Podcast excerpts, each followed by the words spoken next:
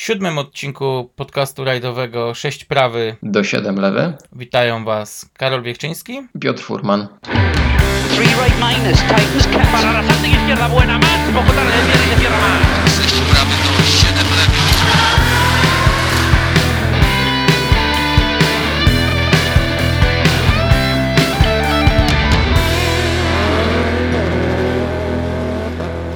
Na wstępie chcieliśmy Was serdecznie przeprosić za opóźnienie, ale związane jest ono z dwoma wydarzeniami, które tak się nałożyły, że zwyczajnie nie mieliśmy możliwości ani czasu nagrać odcinka. Tak trochę świadomie zostawiliśmy sobie więcej e, czasu na to, żeby nagrać kolejny odcinek. Za sobą mamy dwa legendarne rajdy, e, rajd polski i rajd safari. E, No i dzisiaj chcielibyśmy właśnie porozmawiać o tym, co się działo na tych rajdach, jak one się zakończyły. No właśnie, bo byłeś na tegorocznym jubileuszowym rajdzie Polski. Widziałeś to wszystko no niemalże od środka. Rajd wywołał bardzo wiele kontrowersji. Czy zasłużonych, czy, czy to raczej takie szukanie dziury w całym? E, No, nie jest to szukanie dziury w całym, ponieważ tych e, wpadek organizatora, e, określenia wpadek używam tutaj naprawdę w grzecznościowy sposób, no nie da się tego pominąć, nie da się o tym nie powiedzieć i przemilczeć. Oficjalnie, tak jak rozmawialiśmy wcześniej, rajd odbył się bez kibiców.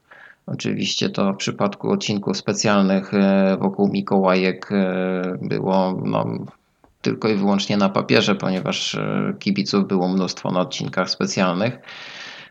No ale to huczne zakończenie na ulicy Karowej, no to była jedna wielka porażka. To, co organizator e, zgotował e, i mieszkańcom, a także zawodnikom, no to nie było. To, ten rajd nie zasłużył powiedzmy, i legenda tego rajdu nie zasłużyła na, na formę takiego zakończenia. Wiesz, co się dokładnie działo potem. E, Media aż kipiały i huczały od tych wszystkich takich no, karkołomnych pomysłów e, i tego, jak to się wszystko nie powiodło.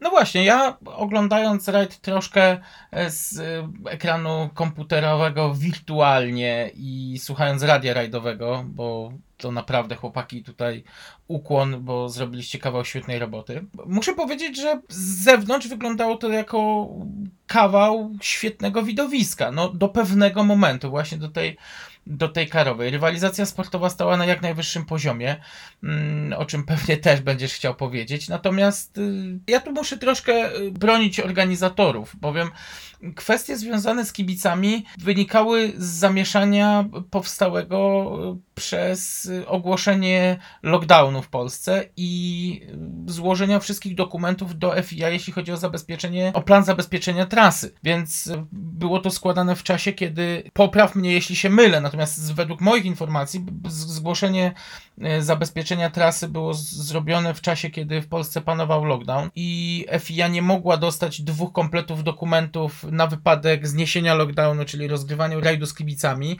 i w czasie, gdy lockdown obowiązuje, czyli rajdu bez kibiców. No więc wybrano to mniejsze zło na wypadek, gdyby lockdown został przedłużony. I rajd no, rozegrałby się bez kibiców. Z chwilą zniesienia lockdownu FIA już motywowała podtrzymanie decyzji o, o rozegraniu rajdu bez kibiców tylko i wyłącznie e, kwestią braku czasu na zrewidowanie planu zabezpieczenia. Po prostu powiedzieli, że już nie ma czasu na to, żeby e, całą trasę jeszcze raz przeglądnąć i ewentualnie nanieść poprawki na strefy kibica i, i, i zrobienie planu zabezpieczenia, więc no, wybrano e, wyjście po linii najmniejszego oporu, zorganizowanie rajdu bez kibiców, ale tu trzeba chylić czoła, bowiem organizatorzy na dwa dni przed rajdem powiedzieli wprost, jasne, przyjeżdżajcie, tylko zachowujemy reżim sanitarny, nie gromadźmy się w grupy powyżej 300 osób i, i będzie wszystko w porządku. Oczywiście muszę przyznać, że w takiej sytuacji organizowanie odcinka Karowa no, było absolutnie poronionym pomysłem. Idea sama byłaby super, gdyby da, udało się zrobić to jako święto tego rajdu przy kibicach i tak jak choćby nawet mm, no, mieliśmy niejednokrotnie możliwość oglądania podczas kryterium masów y, Karowa. No natomiast tu no, No ale to w takiej sytuacji tylko w warunkach z kibicami miało to Tak, sens, oczywiście. a Tak, jednak tak. E, Jednak e, kibiców e, nie wpuszczano nawet w najbliższą okolicę ulicy Karowej. Mało tego, oddzielono wszystkie poboczne ulice, chodniki jakimiś płachtami, zasłoniono całkowicie możliwość oglądania rywalizacji i doszło no, do takiej sytuacji dosyć niesmacznej. To, co się potem- działo w sieci, dobitnie pokazuje, że to nie był najlepszy pomysł, e, że można było sobie jednak odpuścić tą karową i zakończyć ten rajd w Mikołajkach dobrym stylu. No, w podobnym tonie dało się usłyszeć wypowiedzi kierowców, którzy e, no, mówili, że kurczę, przecież e, odcinki na całym świecie się odwołuje z takich bądź innych powodów. Ciągnąć zawodników na szutrowych zawieszeniach, na szutrowych oponach, jeszcze z tymi limitami opon, na asfaltowy odcinek w środku miasta, bez kibiców, no było głupie, po prostu, no nazwijmy to po imieniu, było to głupie i nikomu nie No to była potrzebne. taka sztuka dla sztuki. To była taka sztuka dla sztuki właśnie i tak jakby organizatorzy sami dla siebie i dla najwyżej postawionych e, e, osób e, rozegrano sobie tak jakby taki finał. Tam doszło jeszcze do wielu innych sytuacji, które nie powinny mieć miejsca. Wiem skądinąd o rozdaniu nagród dla najbardziej zasłużonych postaci w historii rajdu Polski e, gdzie tak naprawdę to była jakaś e, kameralna imprezka, podczas której pominięto naprawdę ważne postaci, które powinny się tam pojawić, a jednak się nie pojawiły. Nie będę tutaj wymieniał też nazwisk, ale wiem, że coś takiego miało miejsce i to też e, e, wzbudziło oburzenie e, wśród wielu zawodników, a także osób postronnych. No, wielu zawodników wzburzyło również sama ceremonia startu, bowiem załogi, które startowały już na samym końcu stawki, no, nie miały nawet żadnej asysty ze strony czy osoby, która machnie przysłowiową flagą, że już o żadnym konferencjerze nie wspomnę.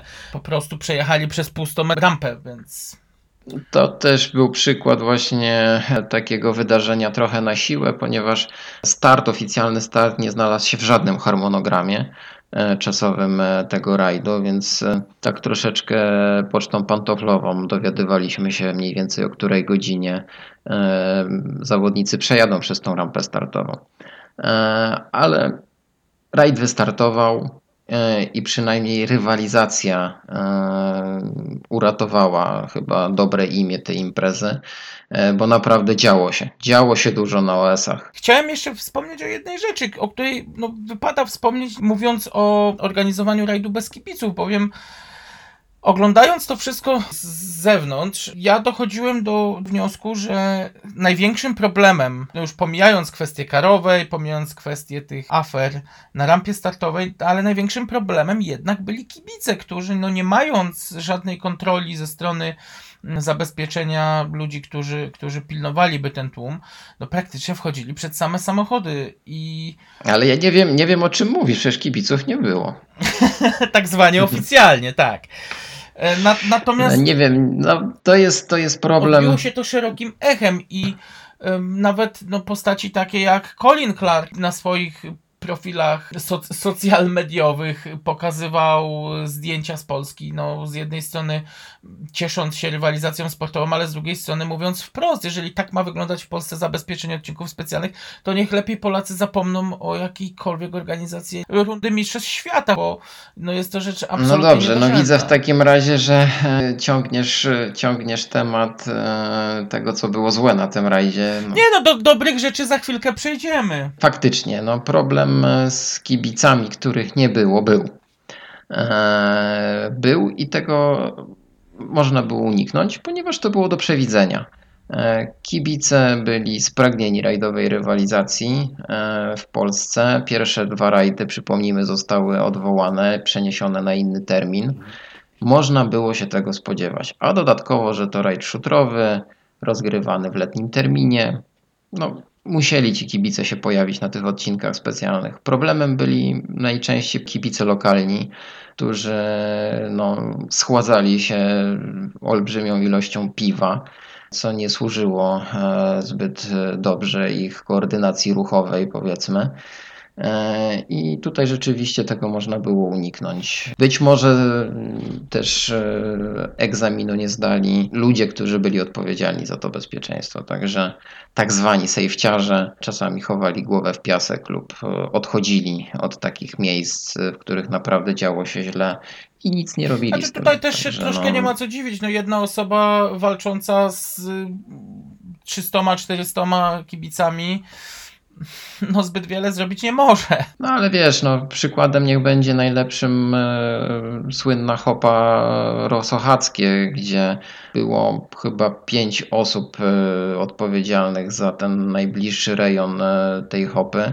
I tak naprawdę tylko dwie osoby próbowały coś z tym zrobić. E, No, to No nie, nie. powinno tak wyglądać. A potem bardzo szybko przekonaliśmy się, że do tragedii może dojść w każdej chwili. E, Na następnej próbie e, doszło do potrącenia.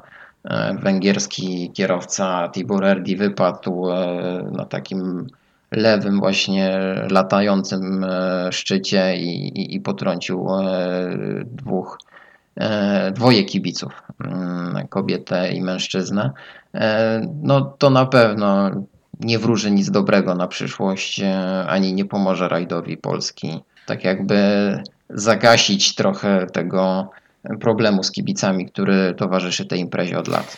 No niestety, to jest problem wielu imprez rajdowych, no ale wydaje mi się, że w przypadku rajdu, y, który obchodzi swoje setne urodziny, no jednak powinno być troszkę więcej starań ze strony organizatora, żeby zabezpieczyć to, bo no kibice kibicami, ale też nie oszukujmy się, dla zawodników jest to też duże obciążenie. Tym bardziej, że warunki były bardzo Oczywiście. trudne, było gorąco i I zawodnicy, tak, i zawodnicy podkreślali to na każdym kroku, tak, że kibice stoją w fatalnych miejscach, że e, często muszą zdejmować nogę z gazu, e, bo widzą, że to można obejrzeć e, wiele onboardów e, z takich tych najbardziej gorących miejsc i przypomnimy chyba sobie wtedy tylko te najlepsze lata 80. rajd Portugalii. Bo tak to wyglądało, naprawdę. No nie, nie przesadzam tutaj ani nie koloryzuję zbyt e, nadmiernie, ale tak to właśnie wyglądało. No. Kibice stali na No, drodze. nie, nie bylibyśmy świadkami tragedii, która miała miejsce w Sintrze e, w 86 roku i, i, i liczę na to, że jednak nasze władze się opamiętają i przyszłoroczne... A uwierz, uwierz mi, niewiele brakowało, żeby do takiej tragedii doszło i tutaj e, nie mam zamiaru w jakiś sposób usprawiedliwiać organizatora ani ludzi odpowiedzialnych za bezpieczeństwo. Oczywiście nie we wszystkich miejscach było tak źle, ale w tych najbardziej jednak e, widowiskowych e, no nie radzono sobie z problemem e, kibiców, których nie było. Powtarzam po raz kolejny, bo mam wrażenie, że organizator wyszedł z takiego założenia, okej, rajd bez kibiców, więc kibice nie stanowią żadnego problemu. No. Jako wisienkę na torcie chciałem Ci zadać tylko jedno pytanie. Czy wiadomo już, kto zapłaci za remont nawierzchni na ulicy Karowej? Aha, czyli w dalszym ciągu e, zostajemy To przy już na temacie, zakończenie, to już na przy zakończenie, bo temacie e, tych, e, tych takich wpadek. Nie jestem w stanie powiedzieć ci, nikt nie wie, kto, kto Podobno- koszty. Dla niezorientowanych tutaj y, słowo wyjaśnienia. Jedna z warszawskich radnych, bodaj na drugi dzień po zakończeniu rajdu Polski, wystosowała e, pismo, w którym no, bardzo Irracjonalne pismo Tak, dodaję. tak krytykowała organizację rajdu, że ludzie mieszkający na ulicy Karowej nie mogą sobie w niedzielę telewizora pooglądać przy otwartych oknach, że samochody zanieczyszczają tak cudowne warszawskie powietrze i no w ogóle samo zło. E, A na dodatek No sam ktoś widzisz- musi odmalować pasy i naprawić powyrywaną Tak. kostkę i za czyje pieniądze to będziemy robić. Jak sam widzisz, e, każdy, e, kto w jakiś sposób miał z tym do czynienia, z tym wielkim wydarzeniem, bo mówię tutaj o samym zakończeniu rajdu Polski na ulicy Karowej, ma coś do powiedzenia. Każdy zajmuje zupełnie inne stanowisko i martwi się zupełnie o coś innego. E, Tutaj największe chyba słowa uznania należą się Robertowi Hundli, który wywołał pospolite ruszenie, e, kiedy ogłosił, że pragnie odnaleźć chłopca, który leżał pod barierkami i próbował zobaczyć e, choć kawałek rajdowego Cichego bohatera jednego ze słynniejszych zdjęć z tego rajdu, tak. Tak. Tak, to chyba zdjęcie całego rajdu i to jedno zdjęcie powiedziało wszystko o, o organizacji o tym dziwnym pomyśle. Udało się odnaleźć e, tego chłopca, a także jego brata. Także olbrzymi sukces. E, No i zobaczymy, co, co będzie dalej. Mam nadzieję, że rzeczywiście chłopaki tam e, wywiążą się z tej obietnicy i chłopcy będą mogli sobie obejrzeć rajd w godziwych warunkach i odzyskać wiarę w to, że ten sport to naprawdę piękne wydarzenie. Ja po tej akcji Roberta Hundley odzyskałem wiarę w tą rajdową rodzinę. Bycie częścią jakiegoś takiego większego ruchu, który dba o swoich braci i potrafi mm, skrzyknąć się, robiąc naprawdę cudowną akcję. Okej, co, ale to może teraz zajmiemy się pozytywami. No właśnie, tak. Przejdźmy do tych, do tych lepszych rzeczy, bo, bo rywalizacja sportowa mnie zachwyciła. No to tutaj e, będę zgodny z Twoją opinią. E, Rzeczywiście, to co się działo na odcinkach specjalnych, ja już naprawdę dawno e, nie byłem na tak fantastycznym rajdzie, jeżeli chodzi o rywalizację, o to jak to wszystko zmieniało się jak w kalejdoskopie. Stało się to, co przewidywałem. E, Rzeczywiście rosyjscy kierowcy, którzy wygrywali rajd Polski w ostatnich dwóch edycjach, e, mieli najwięcej do powiedzenia. No dla mnie największym zaskoczeniem była e, postawa Lukaniuka. Przede wszystkim kwestia tego zdemolowania samochodu przed rajdem na, na testach. Świetna postawa zespołu Saint Lock, który w ekspresowym tempie, no dosłownie kilku godzin, przygotował nowy samochód dla Aleksieja. E, Przetransportował Tak, to jest do dowód na to, że zespół e, Łukianiuka no, nie cierpi na brak e, budżetu. To na pewno, nie? Bardzo szybko, bardzo szybko zorganizowano drugie auto, szybko je ustawiono tak jak trzeba i tutaj od samego początku e, Aleksiej był e, no, faworytem tego, tego rajdu. Ja szczerze mówiąc myślałem, że po tym pstryczku w nos, który dostał od rajdu Polski na samym początku, jednak nie będzie się mógł odnaleźć w tak szybkim pokonywaniu odcinków specjalnych. No, y, zaskoczyło mnie to, że, że jednak y, wszystko było ok i utrzymywał niesamowite tempo, ale jednak, y, tu mówiąc o takich dramatach, y, chyba głównym bohaterem był kto inny. No, mówisz o Nikołaju Griazinie, tak, no ale to też było do przewidzenia. Griazin miał problemy z kolei na odcinku kwalifikacyjnym i z tego powodu zajął odległą pozycję na odcinku kwalifikacyjnym startował z bardzo dalekiej pozycji do pierwszego etapu. Jak się okazało, bardzo mu to pomogło. Przewidywaliśmy, że tak daleka pozycja startowa spowoduje, że będzie jechał już po bardzo zniszczonej Mhm. drodze, ale wykorzystał jednak e, e, tę pozycję odległą, no, e, przekuł to na olbrzymi sukces, no nie ukrywajmy. Jechał w zupełnie innej lidze. E, Czasy, które kręcił, e, były zupełnie no, nie z tej ziemi. E, Myślę, że tempo zbliżone do samochodu WRC.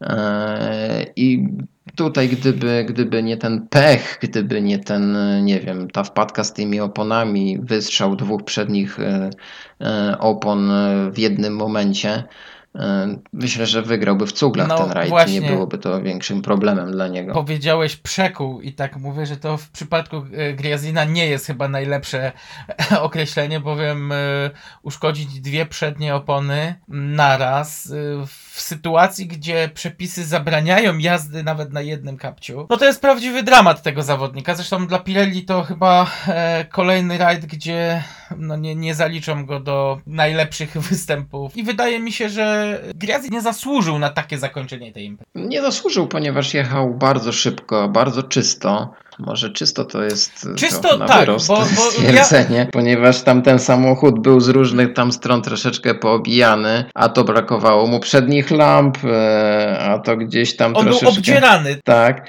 znaczy no to pokazuje jak, jak bardzo szybko Griazin e, przemieszczał się po szutrowych odcinkach wokół Mikołajek. Nie wiem tak naprawdę, czy to była jego wina, czy to bardziej e, problem leżał po stronie tych opon. Nie wystartował już do kończącego etap mm, Mikołajki Arena. No i wycofał się, nie skorzystał e, z systemu Rally 2.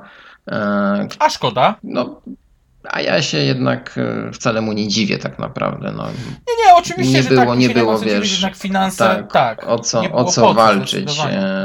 On nie musi już zdobywać doświadczenia i sobie wyjeżdżać kilometrów tak, w taki sposób.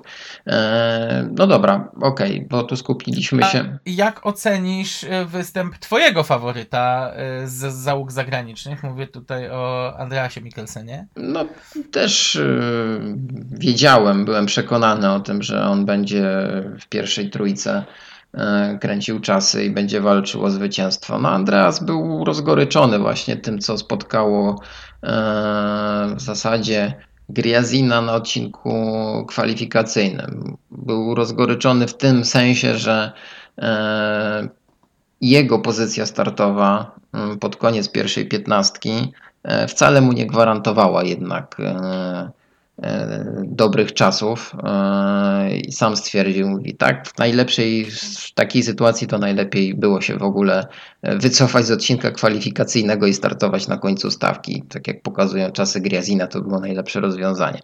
E, No był rozgoryczony, był zdenerwowany. No ale finalnie jednak stoczył fantastyczny pojedynek e, z Łukianiukiem. E, Nawet pozwolił sobie na taki e, śmieszny film e, z trasy dojazdowej e, po odcinku Przasnysz w stronę już Warszawy na OS Karowa, kiedy zatrzymali się na poboczu i Olaf Lene, jego pilot, wyszedł i kupował truskawki na poboczu. To, to było fantastyczne. Widać było, że jednak ma dystans, potrafi się wyluzować i, i dowieść to drugie miejsce. Chociaż widziałem po jego minie przed odcinkiem na Karowej, że spodziewał się czegoś więcej. No właśnie, ja jeszcze mówiąc o takich moich osobistych rozczarowaniach, bo nie ukrywam, że mm, spodziewałem się, że jednak Mikkelsen będzie tutaj bardziej aktywny w walce o zwycięstwo. Y, Bardzo zawiodłem się na Kregu Brinie. Ja wiem, że wygrał Karową, ale ale jednak czegoś brakowało do tej pierwszej trójki tego rajdu. No, Craig Breen też miał problemy jednak- z ogumieniem, e, złapał kapcia na jednym z odcinków specjalnych, trochę stracił e, tam prawe tylne koło, E, ale rzeczywiście brakowało, brakowało mu trochę tempa. Był tak trochę wyautowany z tej pierwszej trójki, ale przynajmniej pojawiły się jakieś szanse na pierwszą trójkę dla polskiego zawodnika. A tutaj no, olbrzymią niespodziankę e, sprawił e, Miko Marczyk e, i Wojtek Huchała. No, jechali jak z nut. Oczywiście no, nie byli w stanie nawiązać walki z pierwszą dwójką, a dopóki jechał Griazin z pierwszą trójką. I naprawdę jestem pełen uznania dla jazdy Marczyka. Mm, Widać było, że e, ma w tej jeździe tą ikrę rajdową, tego nerwa, ten taki, taki e, styl jazdy na każdym kroku pokazywał, że chce powalczyć, że chce, że chce pojechać naprawdę No szybko. właśnie, ja tutaj muszę uderzyć się w pięć, bowiem przed rajdem, jak rozmawialiśmy, to gdzieś tam powiedziałem, że Mikołaj zatrzymał się na jakimś poziomie i trzyma go jakiś taki szklany sufit, który jest ciężko przeskoczyć. Ja nie widziałem w jego jeździe rozwoju już od dłuższego czasu. Natomiast nagle to, co się stało z tym chłopakiem podczas rajdu Polski, to naprawdę ja biję się w pierś i życzę sobie oglądać go z, z takim tempem podróżującego po e, innych rajdach, no najchętniej do Mistrzostw Europy, bo to jest kierowca, który jak widać może konkurować już z tymi najszybszymi, najlepszymi mm, i w dalszym ciągu jest rozwojowy. No i o to chodzi. A to o tym, e, o czym właśnie powiedziałeś, o tym takim szklanym suficie, o takiej jakiejś niewidzialnej barierze, którą, e, z którą był problem z jej pokonaniem. Ja nawet sobie żartowałem na tym rajdzie, że być może Mikołaj powinien e, raz a porządnie wydzwonić, przełamać się może i zacząć Zobaczyć, jeździć szybko, limit, tak. ale jak pokazuje, pokazują wyniki rajdu Polski, no nie musiał tego robić, żeby jednak się w jakiś sposób odblokować.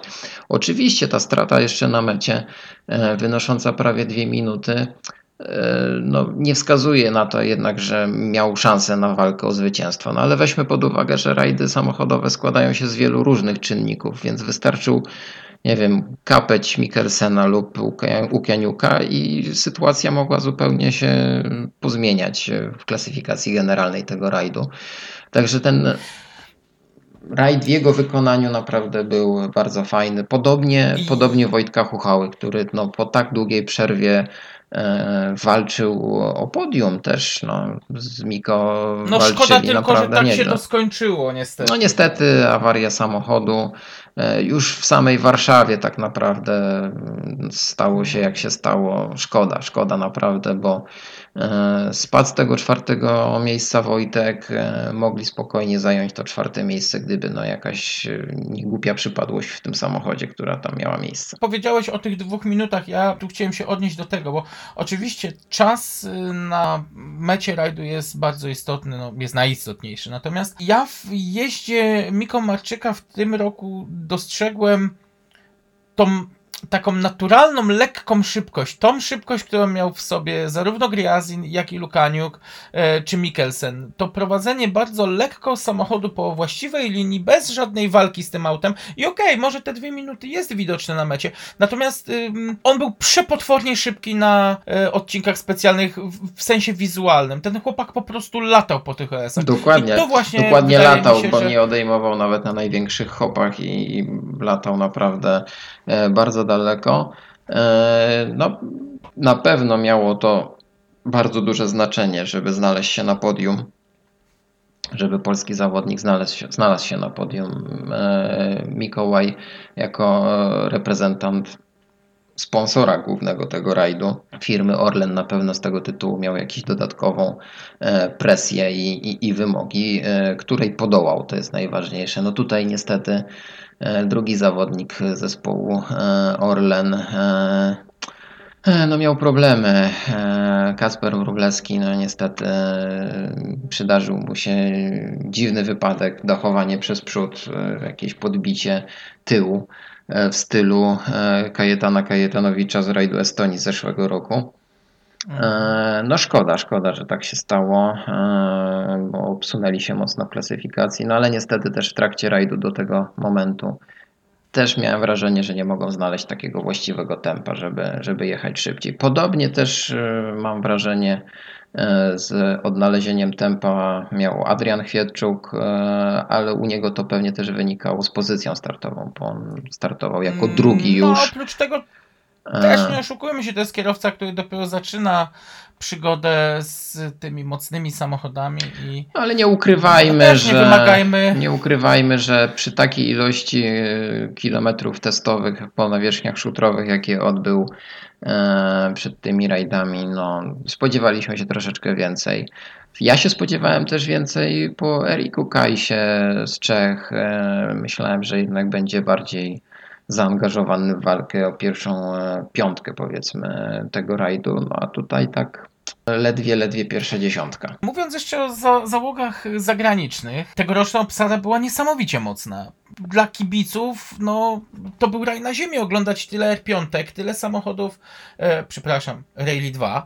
Dawno czegoś takiego nie było No ponad nad Wisłą. 100 załóg, ponad 100 załóg zgłoszonych do rajdu, ponad 100 załóg wystartowało. E, już tutaj oczywiście uwzględniam też załogi w klasie historycznej. E, no, Mhm. klasa historyczna nie była obsadzona jakoś szczególnie. Sześć rajdówek się pojawiło. E, No też się nie ma co oszukiwać, to są jednak nawierzchnie, które są tak, bardzo to, destrukcyjne to dla jest, samochodów. To nie są łatwe rajdy dla takich wiekowych samochodów, ewentualnie dla replik, które wystartowały też na tym rajdzie. E, 44 chyba samochody. E, Rally 2, jak dobrze pamiętam, no to chyba jest naprawdę e, rekord wszechczasów, jeżeli chodzi o Polskę. E, No i ta rywalizacja od samego początku do samego końca na najwyższym poziomie. Dlatego to, co się działo na tym rajdzie, na odcinkach specjalnych, uratowało e, chyba finalnie e, całe to przedsięwzięcie pod tytułem 77 Orlen Raid Polski. No dobrze by było, żebyśmy zarówno my, jak i sponsorzy zapomnieli o tych wszystkich niedociągnięciach. Ja życzyłbym sobie tego, żeby nasz jubilat jednak w przyszłym roku powrócił z perfekcyjną organizacją, z dużym zapleczem finansowym, z równie dobrym sponsorem, ale żeby tym razem faktycznie nie szczędzić tych pieniędzy ani na zabezpieczenie, ani na te wszystkie rzeczy, które powinny być dopięte na ostatni guzik. No tak, no my tutaj e, w tym naszym podsumowaniu skupiamy się na czołówce e, i to też jest trochę smutne, że e, polscy zawodnicy nie mieli zbyt dużo do powiedzenia w innych klasach. Tak trochę byli takim cieniem dla rywalizacji zawodników zagranicznych, bo tych klasyfikacji było naprawdę dużo. Nawet została rozegrana klasyfikacja RC Lady. E, Jest startowała e, jedna e, pani, Nabila Tejpar. Ale rzeczywiście tutaj e, w tych niższych klasach e, polscy zawodnicy no, e, nie mieli zbyt dużo do powiedzenia.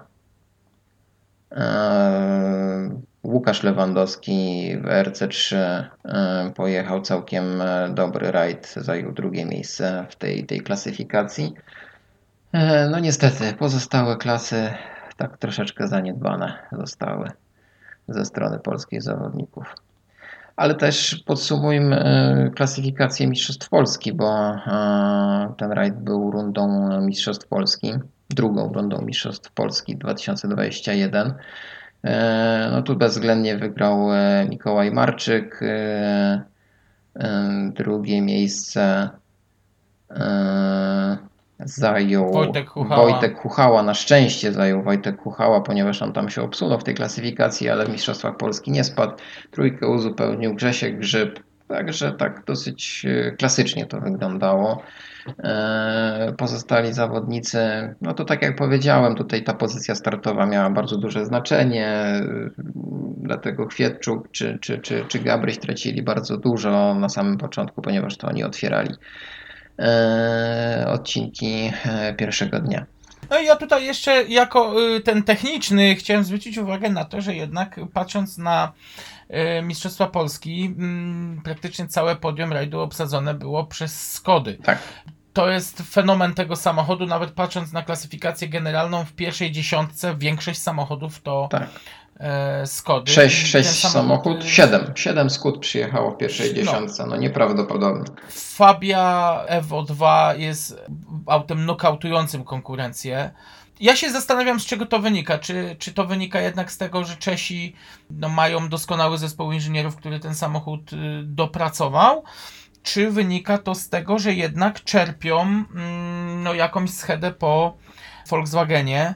Bo nie oszukujmy się, wraz z wycofaniem się działu sportowego e, niemieckiej firmy, no część e, informacji, część inżynierów też przeszła do Skody. Warto tutaj też powiedzieć o, o mm, sytuacji, która stała się tak naprawdę dopiero po rajdzie polskim, mianowicie mm, został sprzedany, e, zamknięty i sprzedany dział sportowy firmy Volkswagen. Co ciekawe, wszystkie części, e, park maszynowy cały łącznie z samochodami kupił e, Erik Wiwec, który mm, zasłynął z tego, że no, 20 lat temu kupił pozostałości po zespole Toyota Team Europe i do dzisiejszego dnia jest jednym z większych dostawców części do rajdowych Toyot z tamtej epoki.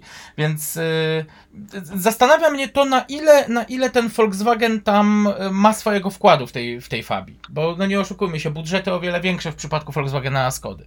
No, Niemniej jednak samochód jest absolutnie fantastyczny. no jest samochodem udanym. e, Cały program e, działa bez zarzutu. E, Rajdówki są bezawaryjne, dojeżdżają do mety, są szybkie. No o to chodzi. Wielu zawodników korzysta z tych samochodów. W pewnym sensie taki nawet puchar Skody Fabii Rally Evo 2 się stworzył. E, Ale e, no tutaj nie da się tego pominąć, e, uniknąć tak, takiego podsumowania, aż tyle tych samochodów się znalazło w pierwszej dziesiątce i w wynikach e, tego rajdu. To się nie zmieni pewnie jeszcze przez e, dłuższy czas, ponieważ e, nic na to nie wskazuje, żeby nagle forma Skody miała, miała nagle się zepsuć.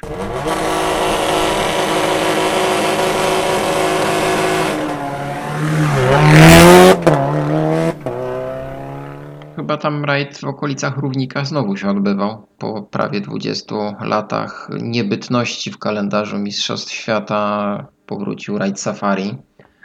Wszyscy czekaliśmy z wielką niecierpliwością na ten rajd. Wiedzieliśmy od samego początku, że oczywiście to nie będzie takie stare, dobre, długie safari sprzed e, ponad dwóch dekad. Właśnie zanim nawiążemy do tej historii safari, ja jestem troszkę rozczarowany terminem, bo jednak majowy termin w przypadku safari, no nijak to nie nawiązuje do historii tej imprezy. Koniec pory deszczowej, więc może. Ja wiem, ale jednocześnie, ale jednocześnie historia tego rajdu powiązana była właśnie z, z czasem, bo przypomnijmy, że pierwszy... Okres wielkanocny, tak. Tak, a było to związane z koronacją królowej brytyjskiej Elżbiety. Nawet pierwsza edycja oficjalnie nazywana była nie jako rajd safari, tylko rajd koronacyjny, Coronation Rally. Zawsze było to powiązane właśnie z tym okresem, w którym no, celebrowano koronację Dobrze, królowej Elżbiety. Podsumujmy to w mniej oficjalny sposób. Grupa zblazowanych Brytyjczyków, którzy nudzili się w Nairobi, wymyśliła sobie rajd. No, powiedzmy wprost. Tak to mogło mniej No tak więcej było. wyglądać. E, Rajd rozgrywany był e, w afrykańskiej porze deszczowej. To przypomnijmy i to trzeba zawsze podkreślać, bo to był najgorszy chyba moment e, na rozgrywanie tego rajdu, jak się później okazało. No, też najlepszy do tego, żeby stworzyć kult tego rajdu i jego legendę. I teraz tutaj powrót tego rajdu był oczywiście długo wyczekiwany, ale no właśnie, no chyba czegoś brakowało jednak w tym roku i w tej edycji. A no właśnie, ja y, przede wszystkim, zanim powiemy o tegorocznej edycji, to mnie najbardziej y, rozbawiły komentarze y, chyba tego pokolenia, które nie pamiętają starego safari. Zależy jak bardzo starego. Zależy jak bardzo starego, No. tak. Ale czytając komentarze, czy to na social mediach, czy rozmawiając z pasjonatami tego sportu, dało się odczuć taką niechęć do tego rajdu, że takie warunki to dla rajdów offroadowych, że to cross country, że takie coś nigdy nie powinno mieć miejsca. Szczerze mówiąc, jako no, miłośnika historii tego rajdu, to mnie bawiło do łez, bowiem ten rajd zawsze był morderczy, ten za- rajd zawsze był trudny i powiedzmy sobie szczerze, to tegoroczne safari to no okej, tempo było dużo szybsze, odcinki wymagające, ale jednocześnie no dystans no troszkę śmieszny jak na rajd No safari. dystans, właśnie. Tutaj chyba najlepszym podsumowaniem tego dystansu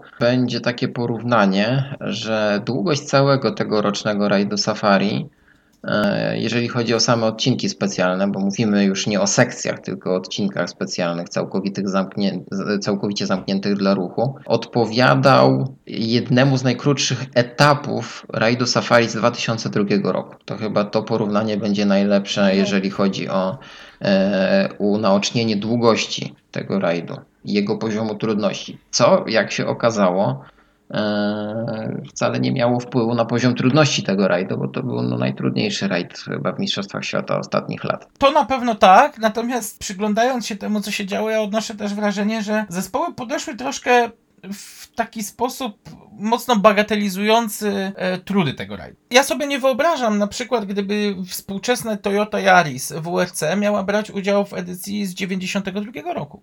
No nie, myślę, nie że, myślę, że żadna e, z konstrukcji współczesnych nie podołałaby e, no, trudom e, tych rajdów safari sprzed lat. E, No musimy się pogodzić z tym, że nie wrócą rajdy z tamtych lat, tak? Nie wrócą rajdy w tej formie. Na pewno nie wróci nigdy safari w takiej formie. E, tu, No, jaką Ja stronę się będę jednak. No czas pokaże Ja się oczywiście. będę łudził. No będziesz się łudził. No to ja myślę, że Tak jak. Wiesz co? Nie tak wiem. jak liczę na to, że jeszcze zobaczę porządną rajdówkę na szutrowym zawieszeniu, obłożoną lampami z przodu, porządnymi rurami zabezpieczającymi przed y, spotkaniem z dzikimi zwierzętami oraz ze snorkelem na błotniku, to tak liczę na to samo, że jeszcze wrócimy do rajdów, które będzie, będą miały po 5000 km. No cóż, no obyś się nie mylił. No.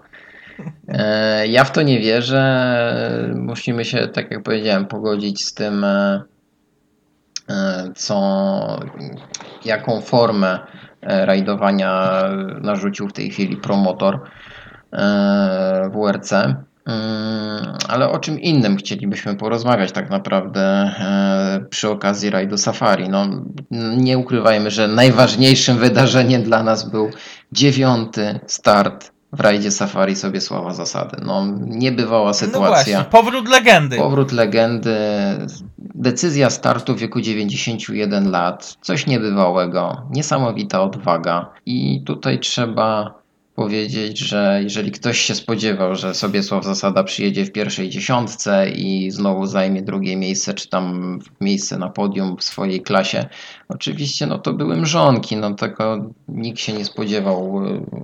Ktoś, kto myśli e, normalnie i jest o zdrowych zmysłach, no chcieliśmy jednak tego No, startu, czekaliśmy na ten start. Chociaż, chociaż pamiętajmy o tym, co było no, niesamowitą rzeczą.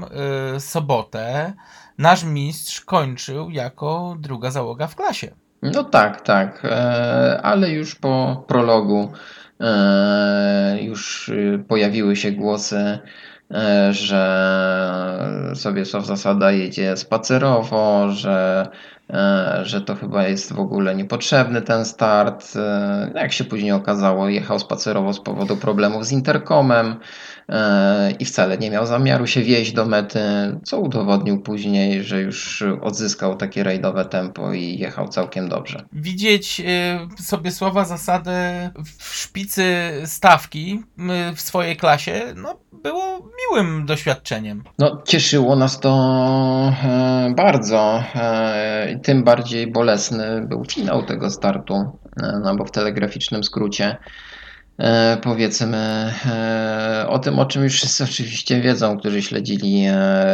ten rajd. E, Sobiesławowi Zasadzie i Tomaszowi Borysławskiemu zabrakło 3 km do mety. Nikt się nie spodziewał tak bolesnego zakończenia.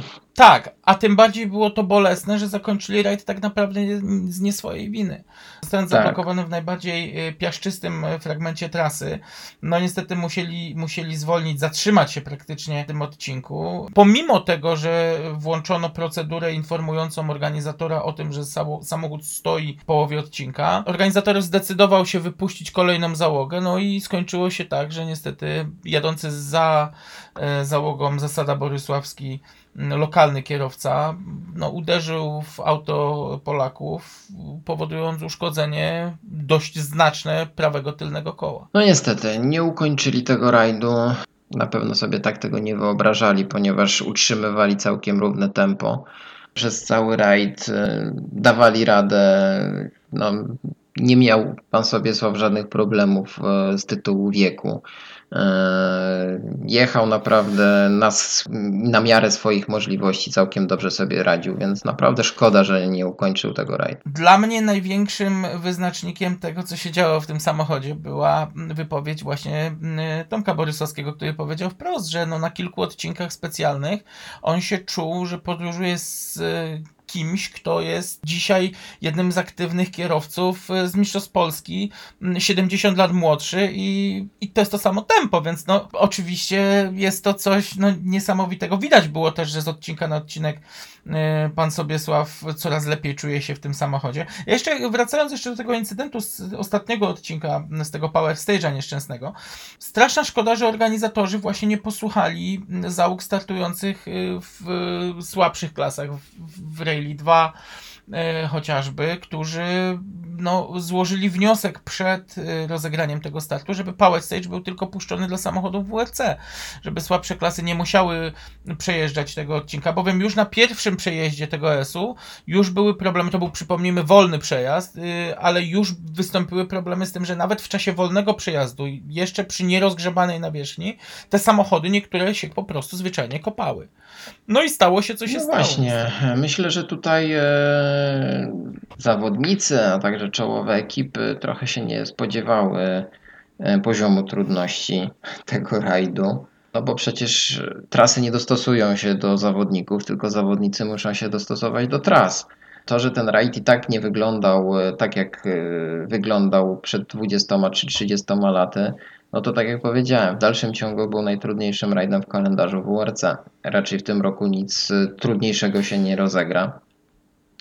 E, I tutaj myślę, że zawodnicy, czołowi zawodnicy obrośli w piórka trochę chyba i spodziewali się łatwiejszej imprezy. I tutaj czy też e, inżynierowie i, i, i osoby odpowiedzialne za przygotowanie samochodów może też odnieśli podobne wrażenie, że to będzie prosty rajd trzydniowy do przejechania w tempie, e, tak jak każda inna runda Mistrzostw Świata. No, zawiedli się myślę. E, Ja tutaj organizatorom niczego bym nie zarzucał, ponieważ e, ten rajd w takiej czy w innej formie zawsze będzie się rządził swoimi prawami. Nie no, oczywiście to jest 100% racji, no. Natomiast, tak jak powiedziałeś, było widać yy, takie podejście trochę no, ludzi, którzy nigdy nie mieli styczności z trudami Afryki i, i nagle był to kubeł zimnej wody na głowie, płacz i zgrzytanie zębów. Ale chciałem się ciebie zapytać, czy zaskoczeniem dla ciebie jest y, zwycięstwo Sebastiana Ogier? Nie jest dla mnie z żadnym zaskoczeniem zwycięstwo tego zawodnika, ponieważ on stosuje od lat e, żelazną taktykę szybkiej jazdy, ale też takiego wyczekiwania na problemy e, rywali. No właśnie. No i tutaj I czy to nie było przypadkiem takim to był najlepszy kluczem przykład. właśnie. Śledzenie tego, co się dzieje, nie wdawanie się w awantury, jechanie swojego mm, i nagle w końcowej fazie e, atak na ostatnich odcinkach specjalnych. To chyba faktycznie jest ten klucz do, do zwycięstwa mm, w Afryce. W rajdzie Safari, tak, bo tutaj trzeba powiedzieć jedno. Pomimo, że żaden z kierowców fabrycznych, e, którzy wystartowali na rajdzie Safari, nigdy wcześniej nie wystartował Kenii. No tak. Żaden z zawodników, no to powiedzmy sobie jasno, e, nie miał okazji startować e, w tym rajdzie. To właśnie tylko i wyłącznie Ogier tak naprawdę, no i jego zespołowy kolega Katsuta zastosowali jedyną słuszną taktykę na ten rajd. Jazdy spokojnej, wyrachowanej i wyczekiwania na problemy rywali. No i obaj zdali egzamin na piątkę. To jest y, prawda, na piątkę na pewno natomiast nie, znały, nie, nie zdały egzaminu Hyundai. E, przypomnijmy, że od samego początku zespół był nękany problemami technicznymi. Koreański produkt rajdowy chyba pokazał pewne słabe strony swojego zawieszenia, no bo na samym No, początku... to tak delikatnie mówisz, e, ponieważ trzecia awaria z rzędu, e, taka sama tak naprawdę, no świadczy o tym, że tam jest jakiś poważny problem. No Ja problem wiem, że jest, oczywiście Już, urwać koło na rajdzie Safari to nie jest e, trudna sprawa, ale no ale gorzej coś jak te koła tak. po prostu same odpadają, no to jest właśnie. coś jest nie tak. No tu, Tak, tutaj Neville powiedział tak, no, że uderzył coś twardego, tak, no ale amortyzator się urwał po prostu i, i nie było możliwości dalszej jazdy. To widać, że w Hyundaiu jest nerwowo. Z miejsce pracy stracił Alain Penas, który pełnił y, funkcję menadżera zespołu, nie dyrektora, ale menadżera. Chyba Koreańczycy są bardzo zdeterminowani, żeby pokazać swoją siłę i szybkość swoich samochodów, no natomiast y, no nie do końca to wychodzi i trzeba teraz szukać winnych. No trzeba wziąć się w garść i jeszcze, no, znaczy ja i tak nie wierzę, żeby e, Ogier i Toyota wypuścili z rąk tytuły tegoroczne, e, no ale trzeba próbować przynajmniej, żeby coś e, zmienić, tak, i chociaż żeby te rajdówki kończyły rajdy i wygrywały. No honor zespołu Hyundai uratował jednak Oit Tanak, meldując się na trzecim miejscu. Ja natomiast y, przyznam, tak jak wspomniałeś, moim cichym bohaterem był właśnie y, Katsuta, który bardzo rozważnie jechał. To trzeba mu przyznać, że y, w sposób bardzo spokojny, bardzo rozważny, no i to też zaprocentowało drugim miejscem, ale mimo wszystko wydaje mi się, że jak, jak patrząc na wyniki przed startem do ostatnich dwóch odcinków, liczyłem na to, że będzie w stanie stanąć na najwyższym stopniu podium, no ale no ciężko powiedzieć, czy to była szybkość Sebastiana Ogier, czy Tim Orders, natomiast no fakt jest faktem, że to Francuz stanął na tym najwyższym stopniu i to on przejdzie Podium. do historii. Tak, e, zanim przejdziemy do tej historii e, startu sobie słowa zasady w rajdzie Safari, bo o tym chcielibyśmy też porozmawiać. Ja jeszcze na chwilę wrócę do tego e, zaskoczenia i kubła zimnej wody wylanej na głowy większości zawodników i, i teamów e, na tym rajdzie. E, najlepiej podsumował to Marcin Rybak, który był na tym rajdzie i, i widział to wszystko od kuchni. I jeżeli chodzi właśnie e, o te zniszczone rajdówki, to e, podsumował to jednym komentarzem, to pozwolę sobie zacytować. Ten rajd nie niszczy aut, tylko pokazuje, jak bardzo wiele się zmieniło w mentalności kierowców. I to ta mentalność sterylnych gwiazdek jest, niszczona na tym rajdzie. Myślę, że to właśnie chyba najlepsze słowa Nic dodać, nic które, nic e, które pokazują, no, jak się zmieniło e, wiele w tym sporcie e, i powrót takiego nawet okrojonego rajdu safari e, potrafi to wywrócić wszystko do góry kołem.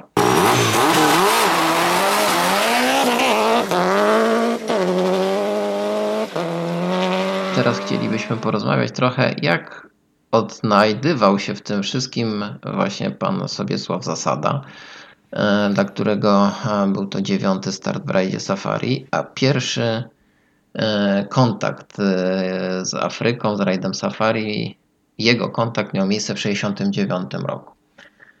Właśnie, 69 rok.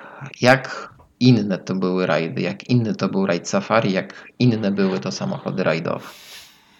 No, przede wszystkim e, miały więcej wspólnego z normalnymi drogowymi autami, e, no a rajdy były o wiele trudniejsze, były dłuższe, bardziej wyczerpujące, nie było tak jak dzisiaj e, odcinków specjalnych, tylko praktycznie cały rajd był jednym wielkim odcinkiem specjalnym, e, rozgrywanym e, na zasadach jazdy na regularność, z tym, że Tak.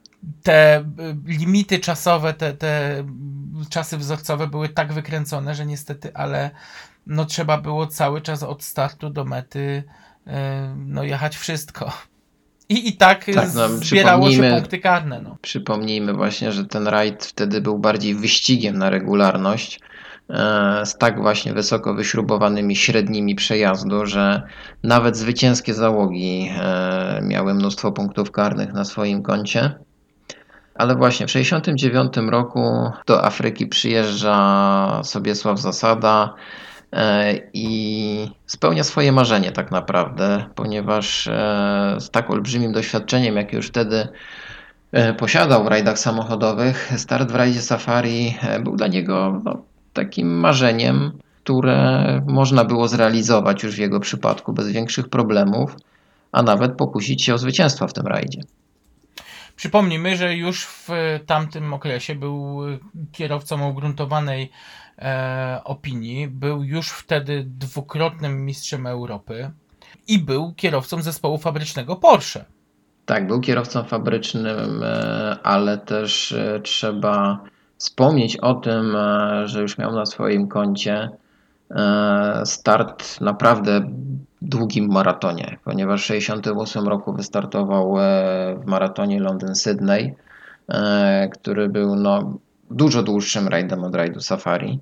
E, Dlatego można w tej chwili z perspektywy czasu powiedzieć tak, że taki rajd safari dla zasady no, był e, już rajdem, który w jakiś sposób go nie przerażał. E, Jak się okazuje, do końca tak nie było, bo oczywiście pierwszy kontakt z tym rajdem spowodował, że pokory na pewno ten zawodnik nabrał do tego rajdu i do, do czarnego lądu, ale zakochał się w tym rajdzie no i postanowił go wygrać. Tak, to jest y, bardzo romantyczna historia, muszę przyznać. I to właśnie od tego 69 roku aż do tego tegorocznego epizodu to byłby naprawdę doskonały scenariusz na film fabularny, bowiem każdy start w tym safari mm, no, wyglądał w sposób taki, że pan Sobiesław y, od samego początku narzucał takie tempo, że wbijał się praktycznie w czołówkę. No a później bywało już różnie. Niestety No. tego rajdu nigdy nie dane mu było wygrać. E, Sobiesław Zasada e, był pierwszym zawodnikiem e, spoza Afryki, spoza Kenii, który miał szansę wygrać ten rajd tak naprawdę. Miał szansę być pierwszym zawodnikiem oczywiście. europejskim Europejski. tak. już w debiucie w tym rajdzie, bo w 1969 roku, gdyby nie awaria pompy paliwa w jego Porsche, no nie wykluczone, że udałoby mu się wygrać ten rajd. Ostatecznie zajęli wtedy z Markiem Wachowskim szóste miejsce, e, co było i tak najlepszym e, miejscem zawodnika europejskiego. E, Ale wtedy chyba tam w jego sercu został, zostało zasiane ziarno pragnienia zwycięstwa w tym rajdzie. Trzeba wspomnieć o przezabawnej historii związanej z przygotowaniem do startu, bowiem przed samym rajdem okazało się, że samochód podróżujący liniami lotniczymi Alitalia ze Stuttgartu mm, no nie pojawił się niestety w Nairobi. Ale przypomnijmy, dlaczego wybór padł na Italię. Ponieważ była najtańsza. E, To oczywiście. Tak. A tu się okazuje, że jednak niska cena to nie zawsze dobra jakość obsługi. No i okazało się, że Sobysław Zasada z Markiem Wachowskim zostali bez samochodu. E, Sytuację uratował główny sekretarz rajdu, który będąc w doskonałej kontakcie z innymi zespołami, zaczął szukać rozwiązania, no bo zawodnicy ze światowej czołówki no, nie mogli zostać tak na lodzie, tym bardziej, że wszyscy liczyli na sobie słowa zasadę, że, że wystartuje w, w tym rajdzie. No i zaczęto szukać kontaktu z zespołem Datsuna i z zespołem Peugeot. Okazało się, że no, w Datsunie niewiele brakło, aby udało się przygotować auto dla, dla zasady, bowiem zespół miał rezerwowe cztery samochody.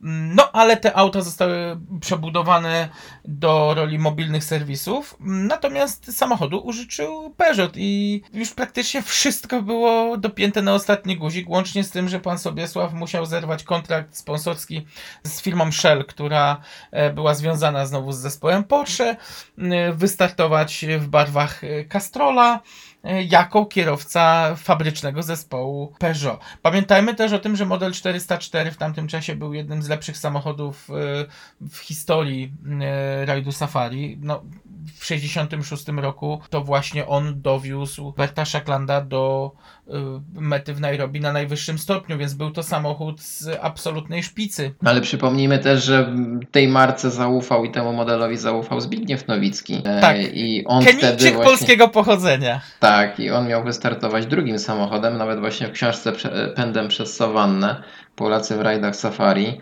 Jest takie piękne zdjęcie, jak na dachu tego Peugeota 404 e, już jest malowany napis e, Poland.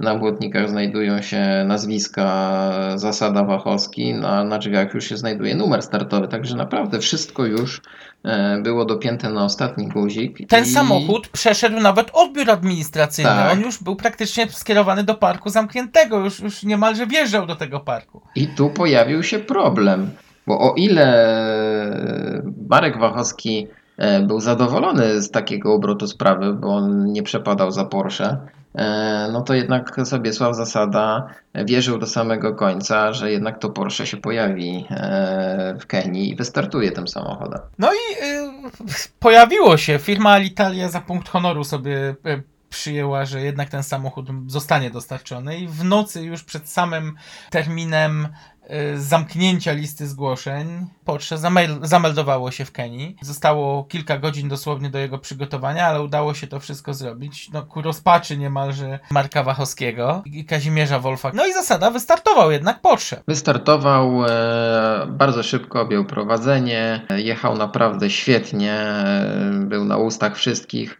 No niestety, tak jak wspomniałem, ta awaria tej pompy, nieszczęsnej pompy paliwa, nie jednej, bo tak naprawdę tam chyba dwie pompy e, padały jedna po drugiej. E, No nie udało się e, utrzymać fantastycznego miejsca, skończyło się na miejscu szóstym. Ale tak jak powiedziałem, potrzeba i pragnienie wygrania tego rajdu były już wtedy tak wielkie, że już rok później zasada tym razem z Mieczysławem Sochackim pojawili się znowu na starcie tego rajdu e, już z numerem szóstym, czyli mieli bardzo dobrą pozycję startową, bo o tym też trzeba Przypomnijmy, powiedzieć. że numery były losowane, bo, Tak, bo to też tak. taka ciekawostka. ale pierwszeństwo mieli zawodnicy z listy priorytetowej, Tak. e, więc te pierwsze 20 samochodów e, to były najlepsze załogi, najlepsi zawodnicy. E, No i to szóste miejsce startowe było naprawdę bardzo dobrym miejscem, e, żeby przypuścić atak. No i ten atak przypuszczono. Sobiesław Zasada objął prowadzenie już od samego początku rajdu. No i wszystko wyglądało na to, że będzie sensacja, że w swoim drugim starcie uda się zwyciężyć w Afryce. No ale jednak y, tym razem mechanika wyeliminowała całkowicie polską załogę. Uszkodzona panewka, zatarcie łożyska wału korbowego niestety sprawiło, że Porsche stanęło i dalej nie pojechało. Co ciekawe, to samo uszkodzenie mm, wyeliminowało kilka tygodni później trzy samochody zespołu fabrycznego Porsche z rajdu Akropolu, więc tutaj mamy taką analogię do y, uszkodzenia sk- skrzyni biegów Janusza Kuliga przed rajdem zimowym w Focusie WRC mm, i późniejsze odrobienie lekcji przez M-Sport, jak ważna jest koordynacja właśnie takich małych e, niedociągnięć, małych, małych e, awarii, żeby nie przerodziło się to w coś większego. Tutaj tego zabrakło i mm, no Porsche zaliczyło sromotną porażkę zarówno w e, Nairobi, jak i później podczas rajdu Akropolu. Szkoda, rzeczywiście szkoda, ponieważ e, nauczony problemami z poprzedniego e, roku, z pierwszego startu, e, Sobiesław Zasada naprawdę świetnie przygotowywał się do tego rajdu. E, szefem takim technicznym e, był wtedy już tam Marian Bień. E, oczywiście na rajd przyjeżdżała już też e, żona e, Ewa e, która pomagała w przygotowaniu opisu trasy, w treningach.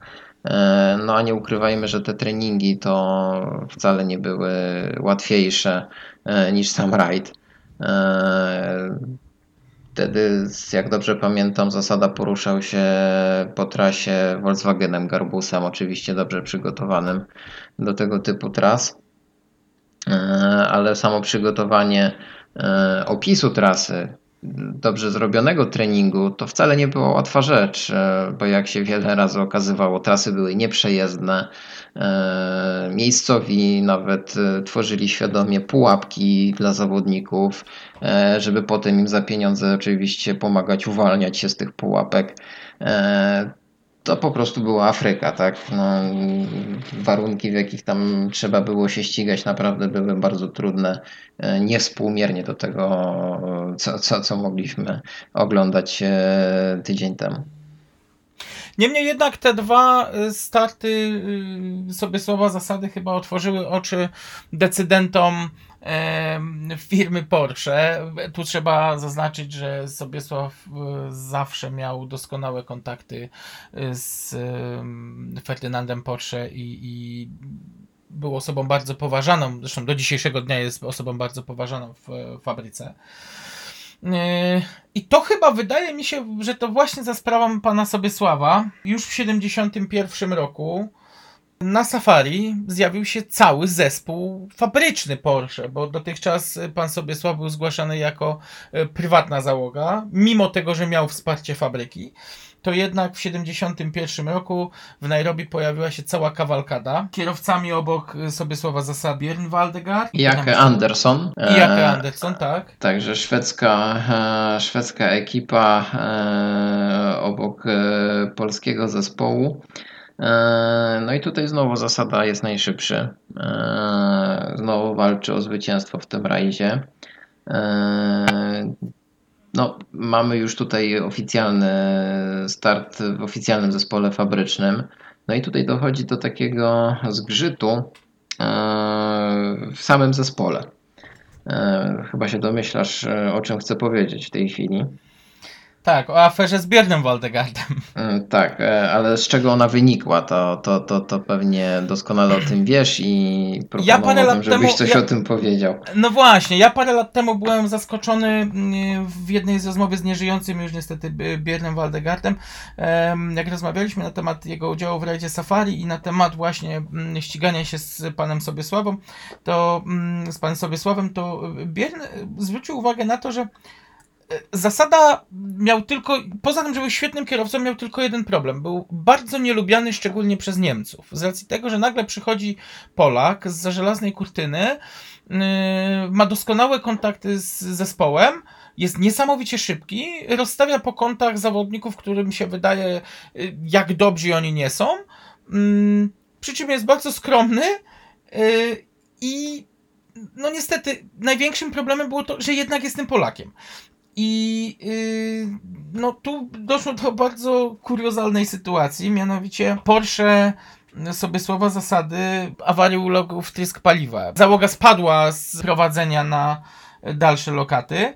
prasa niemiecka nagle zrobiła nag- nagonkę na sobie słowa zasadę, jakoby on miał doprowadzić do wypadku Bierna Waldegarda i jeszcze w dodatku nie udzielić mu pomocy. Co się później okazało, że było to wierutną, wierutną bzdurą, bowiem sam zasada został wyprzedzony przez Waldegarda i Waldegard prawdopodobnie tak bardzo nakręcony tym, że wyprzedzili samego zasadę, samego lidera rajdu, no zakończył jazdę już dwa zakręty dalej na jednym z lewych zakrętów, montując swoje Porsche e, w buszu i uniemożliwiając dalszą jazdę. Tak, ale tutaj genezą tego wszystkiego, tego takiego nieporozumienia, jakiejś takiej scysji wewnątrz zespołu, e, były te flagi narodowe i barwy No tak, narodowe bo o tym właśnie, zapomniałem które, powiedzieć, dokładnie. które pojawiły się na samochodzie zasady, e, ponieważ e, na jego aucie e, bardzo szybko zdjęto niemieckie flagi, naklejono polskie flagi obok nazwisk e, zawodników. Z kolei e, w przypadku szwedzkich załóg e, nie udało się. E, Był sprzeciw ze strony zespołu. E, No i to wywołało jakiś taki niesmak, tak? Tak, pan Sobiesław miał jednak troszkę inne.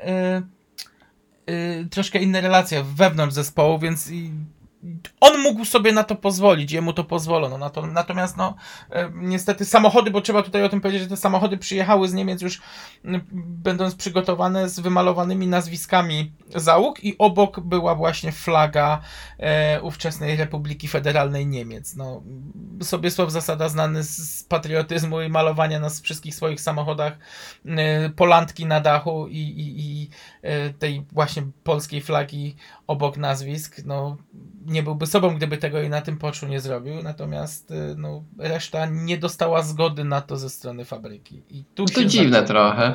To dziwne, ale rzeczywiście coś takiego miało miejsce.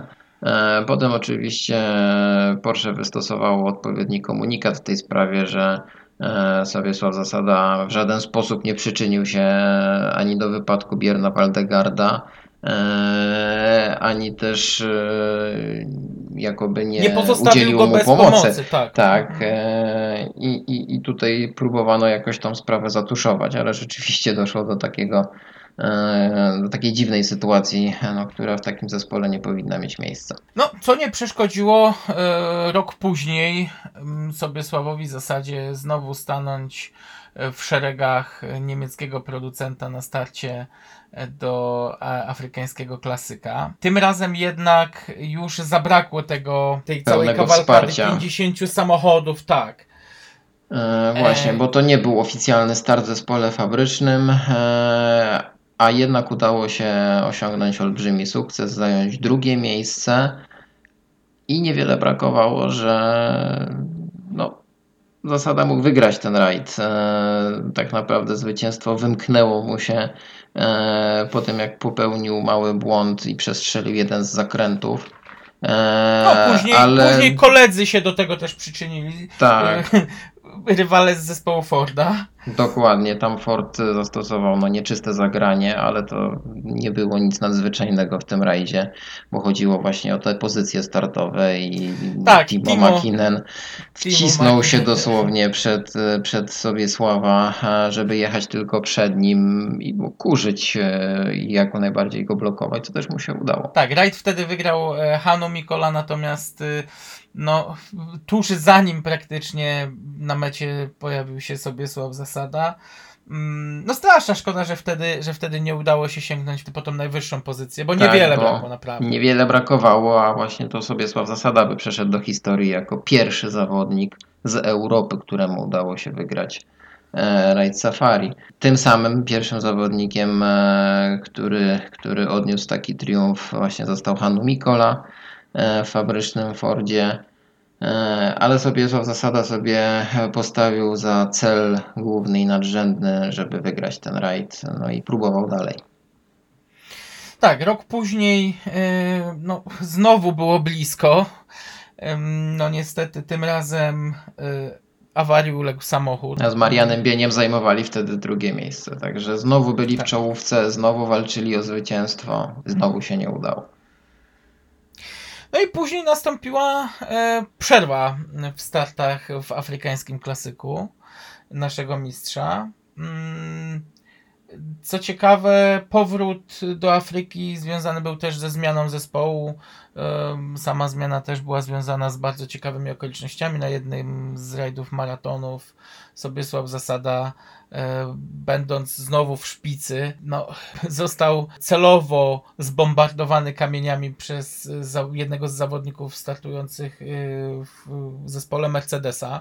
Stracił na jednym z nocnych etapów praktycznie wszystkie lampy, co pogrzebało jego e, szanse na wysoką lokatę. Mm, No i po rajdzie e, szefostwo Mercedesa poprosiło go o rozmowę e, i zaoferowało w ramach przeprosin e, miejsce w zespole fabrycznym. No i takie warunki, którym chyba ciężko było odmówić, skoro już w 78 roku na starcie rajdu Safari e, w nowym Mercedesie 280e pojawił się właśnie Sobiesław Zasada, pilotowany tym razem przez Błażeja Krupę. No właśnie, tak o tym samochodzie może tak e, pokrótce coś wspomnijmy, bo wszyscy sobie wyobrażają, że to było sportowe coupe Mercedesa, a to po prostu była zwykła, popularna beczka W123, czterodrzwiowa limuzyna e, z silnikiem trochę za słabym jednak e, na ten rajd, ponieważ ten silnik No. chyba miał około 200 koni, więc to tak. było trochę za mało. E, I tutaj taki właśnie był e, problem i e, zasada był troszeczkę właśnie zawiedziony osiągami chyba tego samochodu, ponieważ no nie za bardzo mógł się jednak włączyć do walki o zwycięstwo. Zajął wtedy szóste miejsce w pierwszym starcie Mercedesem po tej pięcioletniej przerwie. Liczył dużo, na dużo więcej, no ale tutaj no nie był w stanie pojechać szybciej tym samochodem już. Przypomnijmy tutaj, że zespół Mercedesa y, dość mocno eksperymentował z samochodami, bo obok y, E-klasy przygotowywano sportowe warianty SLC. Kierowcy też różnymi samochodami brali udział równolegle nawet w ramach tego samego zespołu. No, natomiast w przypadku pana Sobiesława zawsze był to właśnie, mm, zawsze była to mm, E-klasa w przypadku rajdu Safari. Rok później e, przygotowano usprawniony samochód. e, Moc silnika podniesiono około 40 koni. Udało się ten samochód troszeczkę odelżyć e, o jakieś 100 kg. Było troszkę lepiej, no ale do czasu. Na jednym z e, nocnych odcinków specjalnych e, no, polska załoga uderzyła w rozpadlinę w ziemi. E, Samochód bardzo mocno zarył przodem. Skończyło się to no, opuszczeniem drogi i e, urazem e, dłoni u pana Sobiesława. Na całe szczęście, poza ogólnymi obrażeniami, obiciami i, i siniakami i, i tą ręką kierowcy, no, obyło się bez większych problemów. No ale tu natomiast, musimy e, dodać, że troszeczkę Jechać dalej się nie dało. nie dało się jechać, ale do, tej, do tego wypadku troszeczkę dołożył rękę jeden z rywali. E, Jeden z Kenijczyków po prostu nie dał się wyprzedzać, e, blokował e, auto zasady. No i tak naprawdę przy tej próbie wyprzedzania stało się to, co się stało. Wypadli, wypadli z tej trasy. Błażej Krupa bardzo szybko zareagował e, i zdjął e, z poszkodowanej ręki kierowcy obrączkę i zegarek, e, ponieważ ta ręka puchła bardzo szybko. E, No i tak jak powiedziałeś, no nie dało się już jechać dalej. E, I tutaj e, tak jakby zasada chyba zdał sobie sprawę, że to już jest chyba koniec e, przygody z tym rajdem e, i że to wszystko idzie w taką stronę, że e, on już nie będzie w stanie chyba rywalizować o zwycięstwo.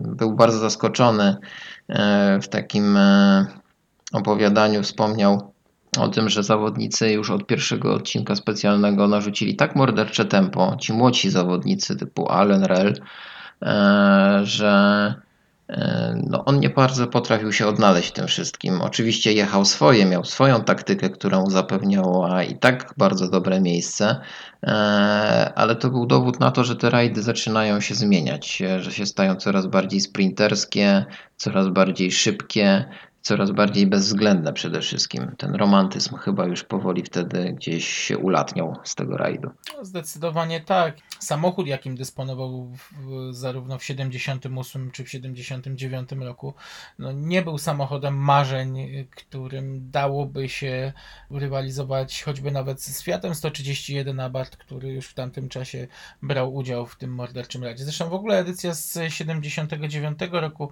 jest o tyle ciekawa, że tak naprawdę to był e, no, pojedynek e, trzech producentów. Mercedes y, miał bardzo duże aspiracje co do tego rajdu, zresztą Mercedes miał duże aspiracje do budowy zespołu e, rajdowego, mającego wziąć udział w rajdowych mistrzostwach świata. No tu sprowadził ich na ziemię troszkę Walter.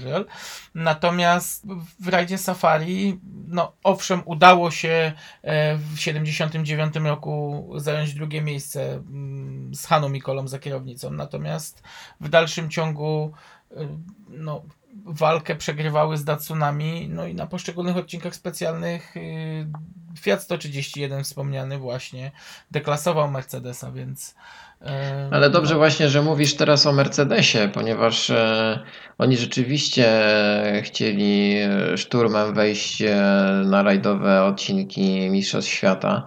E, tylko, że Mercedes e, troszeczkę za bardzo chyba skupił się na rajdach e, takich typowo właśnie długodystansowych.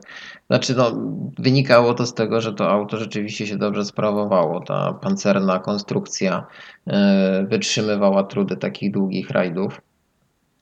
E, Ale przypomnijmy nawet taką sytuację z 79 roku, e, kiedy to właśnie Björn Waldegard został pierwszym e, mistrzem świata kierowców w historii i startował wtedy i Fordem i Mercedesem, ale Mercedesem wystartował tylko w dwóch rajdach, właśnie w rajdzie Safari i w rajdzie Wybrzeża Kości Słoniowej, ponieważ właśnie te samochody w takich rajdach sprawowały się najlepiej.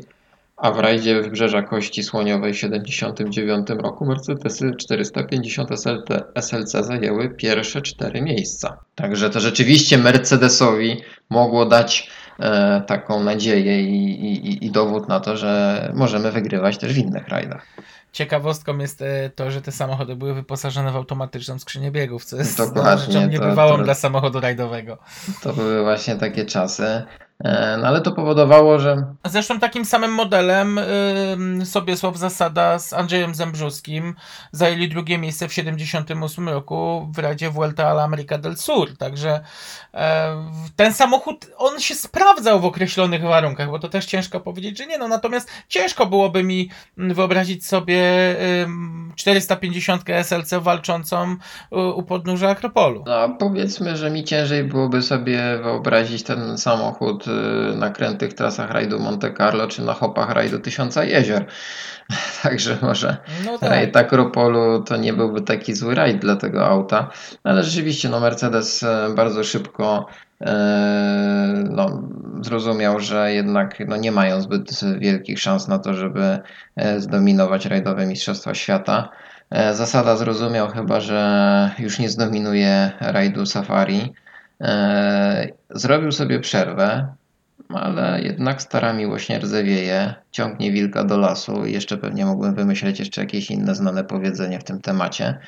No i wielki powrót w 97 roku, e, Wen grupowy Mitsubishi Lancer Evo 3, no i niebywały wynik. 12 miejsce w generalce i bodajże drugie miejsce w klasie.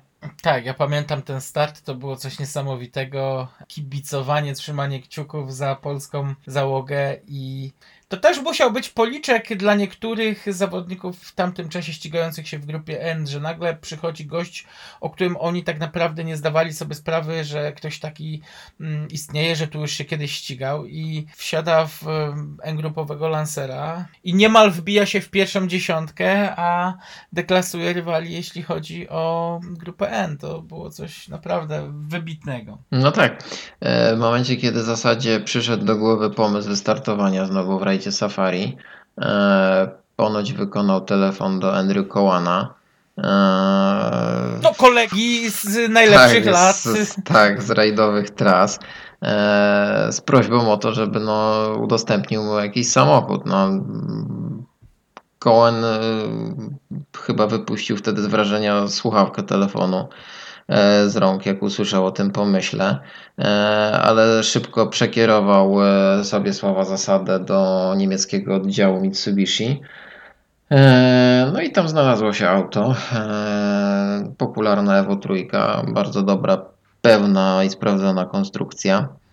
E, Zasada już po pierwszych e, sekcjach e, czuł ten samochód niebywale. On Stwierdził, że w tym samochodzie tak wszystko łatwo i, i, i miło się odbywa, że jazda poślizgami to jest czysta przyjemność i wystarczy nie przeszkadzać temu samochodowi, żeby jechać szybko. E, No i tutaj jego doświadczenie, e, jego taki zapał do tej jazdy, a przypomnijmy, że wystartował wtedy ze swoją żoną, która wcześniej przyjeżdżała na ten rajd e, w ramach takiej pomocy treningowej i Tak, przygotowywania był to jej debiut opisu. na safari, tak. A był to jej debiut na safari w roli zawodnika, ale wywiązywała się z tego wprost fantastycznie. No, to jest właśnie ten profesjonalizm, który e, bił od nich obojga od samego początku. E, Zaprawieni w boju zawodnicy w tych trudnych, długich rajdach e, z lat 60., 70. pokazują, że jednak to doświadczenie zdobywane latami będzie owocować w każdej epoce. Pani Ewa wykazała się również zimną krwią e, w sytuacji kryzysowej, jak na jednym z odcinków e, no, lokalni mieszkańcy Afryki wymyślili sobie zabawę obrzucanie rajdówek kamieniami, no a niestety gdy zabrakło kamieni m, na samochód y, państwa zasadów y, spadł kawałek gałęzi prawdopodobnie hebanu, czegoś twardego, wybijając przednią szybę, rozbijając przednią szybę od strony pilota, robiąc e, olbrzymią dziurę. No, udało się to jakoś e, załatać taśmą klejącą mm, i, dojechać do, do mety etapu. Natomiast y, pani Ewa dziarsko y, dalej pilotowała i nie było żadnej paniki w samochodzie, że szkło, y, że kurz.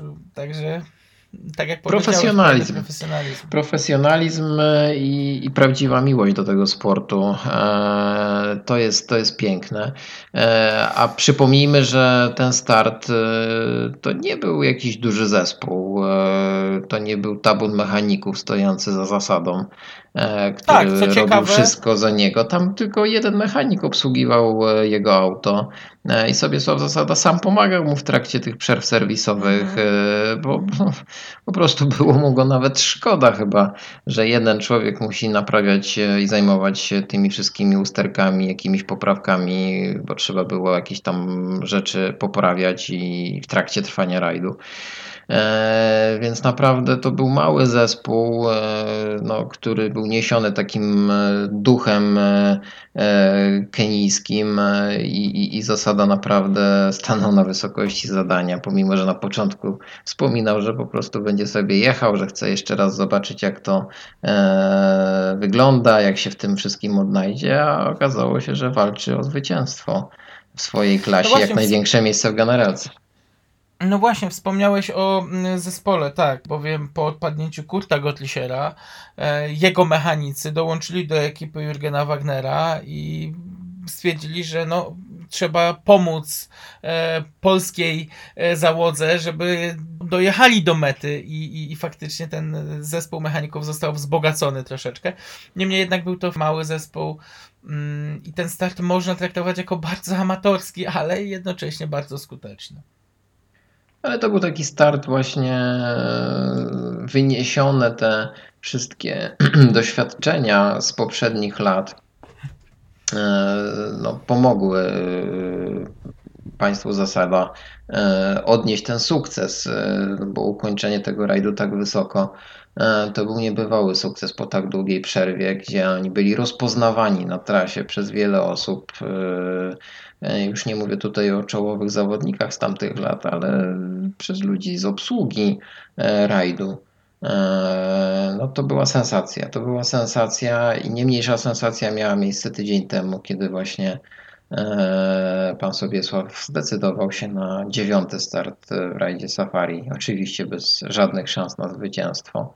E, ale Wiesz co, ale nie można powiedzieć bez szans na zwycięstwo. Dla mnie to zwycięstwem było właśnie to, że tak naprawdę dotar, dotarła krakowska załoga do, że, że polska załoga dotarła do, e, do praktycznie ostatniego odcinka, do tej, do tej mety, że No, udało no się pokonać całą trasę, bo już sobie te powiedzmy 3000 metrów to sobie już darujmy, ale że udało się dojechać do mety, że naprawdę trudny rajd, gdzie wszyscy no, narzekali, że zawieszenia, że podwozia, że kurz, że gorąco.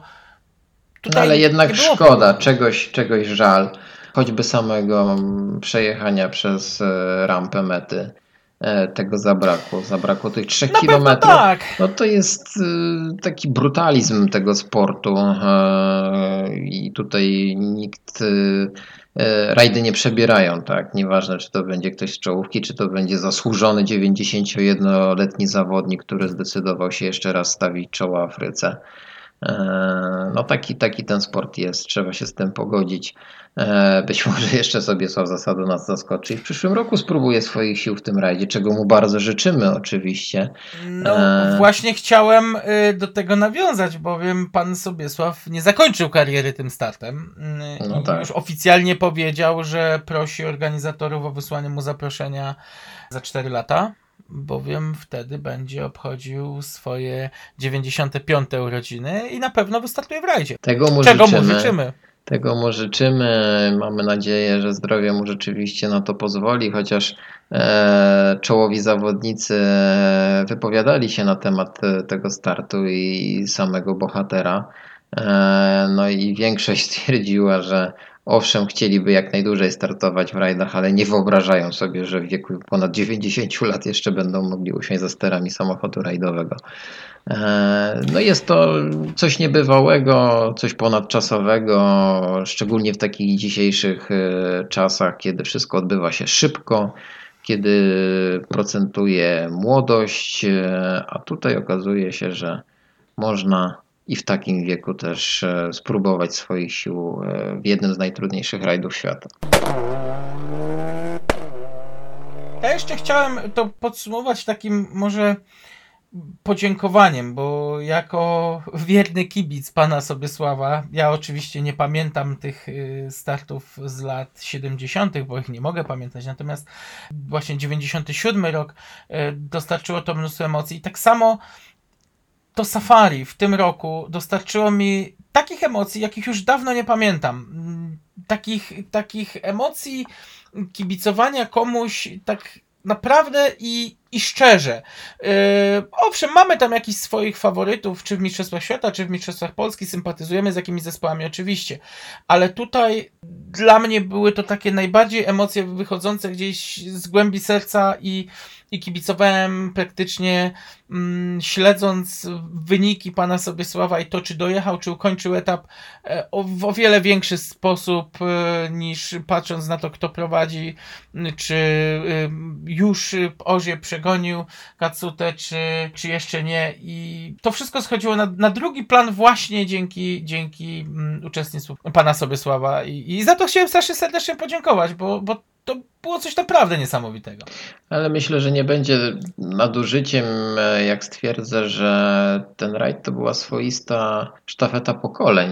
E, No nie zapominajmy, że w tym rajdzie wystartował wnuczek e, pana Sobiesława, Daniel Hist, któremu udało się ukończyć ten rajd. Startował Fordem Fiestą Rally 2 e, z Kamilem Hellerem. E, Myślisz, I że... powiedzmy, że całkiem przyzwoicie mu szło, to jest też... No tak, tak. Myślisz, że to będzie taka rzeczywiście sztafeta, że to jakoś zostanie pociągnięte? Wiesz co? Bardzo bym chciał. Bardzo bym chciał, bowiem y, chciałbym oglądać y, Daniela Chwista w roli y, tego spadkobiercy z y, dziedzictwa, s- polskiego dziedzictwa safari. Dzięki właśnie dziadkowi. Mam nadzieję, że, że ten rajd zaszczepił w nim tą, tą miłość do mm, Kenii, tą miłość do Afryki i i będziemy go oglądać częściej, że to nie był jednorazowy mm, rajd. Tym bardziej, że tak jak powiedziałem, wyniki były naprawdę bardzo em, obiecujące. Wbijać się w pierwszą dziesiątkę tam w okolicach ósmego miejsca.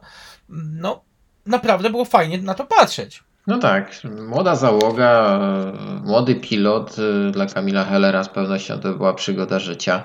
E, Start w takim rajdzie, ale obaj spisali się fantastycznie, czego im gratulujemy. Mm, No cóż, no. e, Rzadko zdarza się, żeby e, dwie tak legendarne imprezy rozegrane były tydzień po tygodniu. E, Mamy tą przyjemność, że mogliśmy to dzisiaj to podsumować e, i przedstawić Wam e, walkę, wydarzenia na tych dwóch rajdach. E, Chociaż pewnie śledziliście to na bieżąco, wiecie doskonale, co tam się działo. To chyba tyle na dzisiaj. E, Nie wiem, czy jeszcze coś moglibyśmy dodać. E, Na temat startów e, pana Sobysława moglibyśmy rozmawiać Tak, godzinami. będziemy- na pewno będziemy jeszcze do, do tego- do tego tematu wracać. tak. Będziemy do tego tematu wracać, może nie samego rajdu safari, ale nawet całej kariery warto byłoby e, poświęcić e, taką rozmowę. No to jesteśmy w połowie roku, w połowie sezonu. E, Walka w Mistrzostwach Świata, także w Mistrzostwach Polski i Europy e, zaczyna się rozkręcać na dobre. Myślę, że teraz utrzymamy jakąś regularność i spotkamy się za dwa tygodnie z Wami. Przygotujemy jakiś ciekawy temat. E, Szukajcie nas na serwisach podcastowych, na YouTubie. Będziemy Was bieżąco informować o tym na naszej stronie facebookowej. No i co? Oraz na. Instagramie. Oraz na Instagramie. A tymczasem dziękujemy Wam e, za poświęcony czas, że z nami jesteście. E, Liczymy na Wasze komentarze, na Wasze lajki, na Wasze subskrypcje. Także e, jeszcze raz dziękujemy i do usłyszenia w następnym odcinku. Do usłyszenia. Three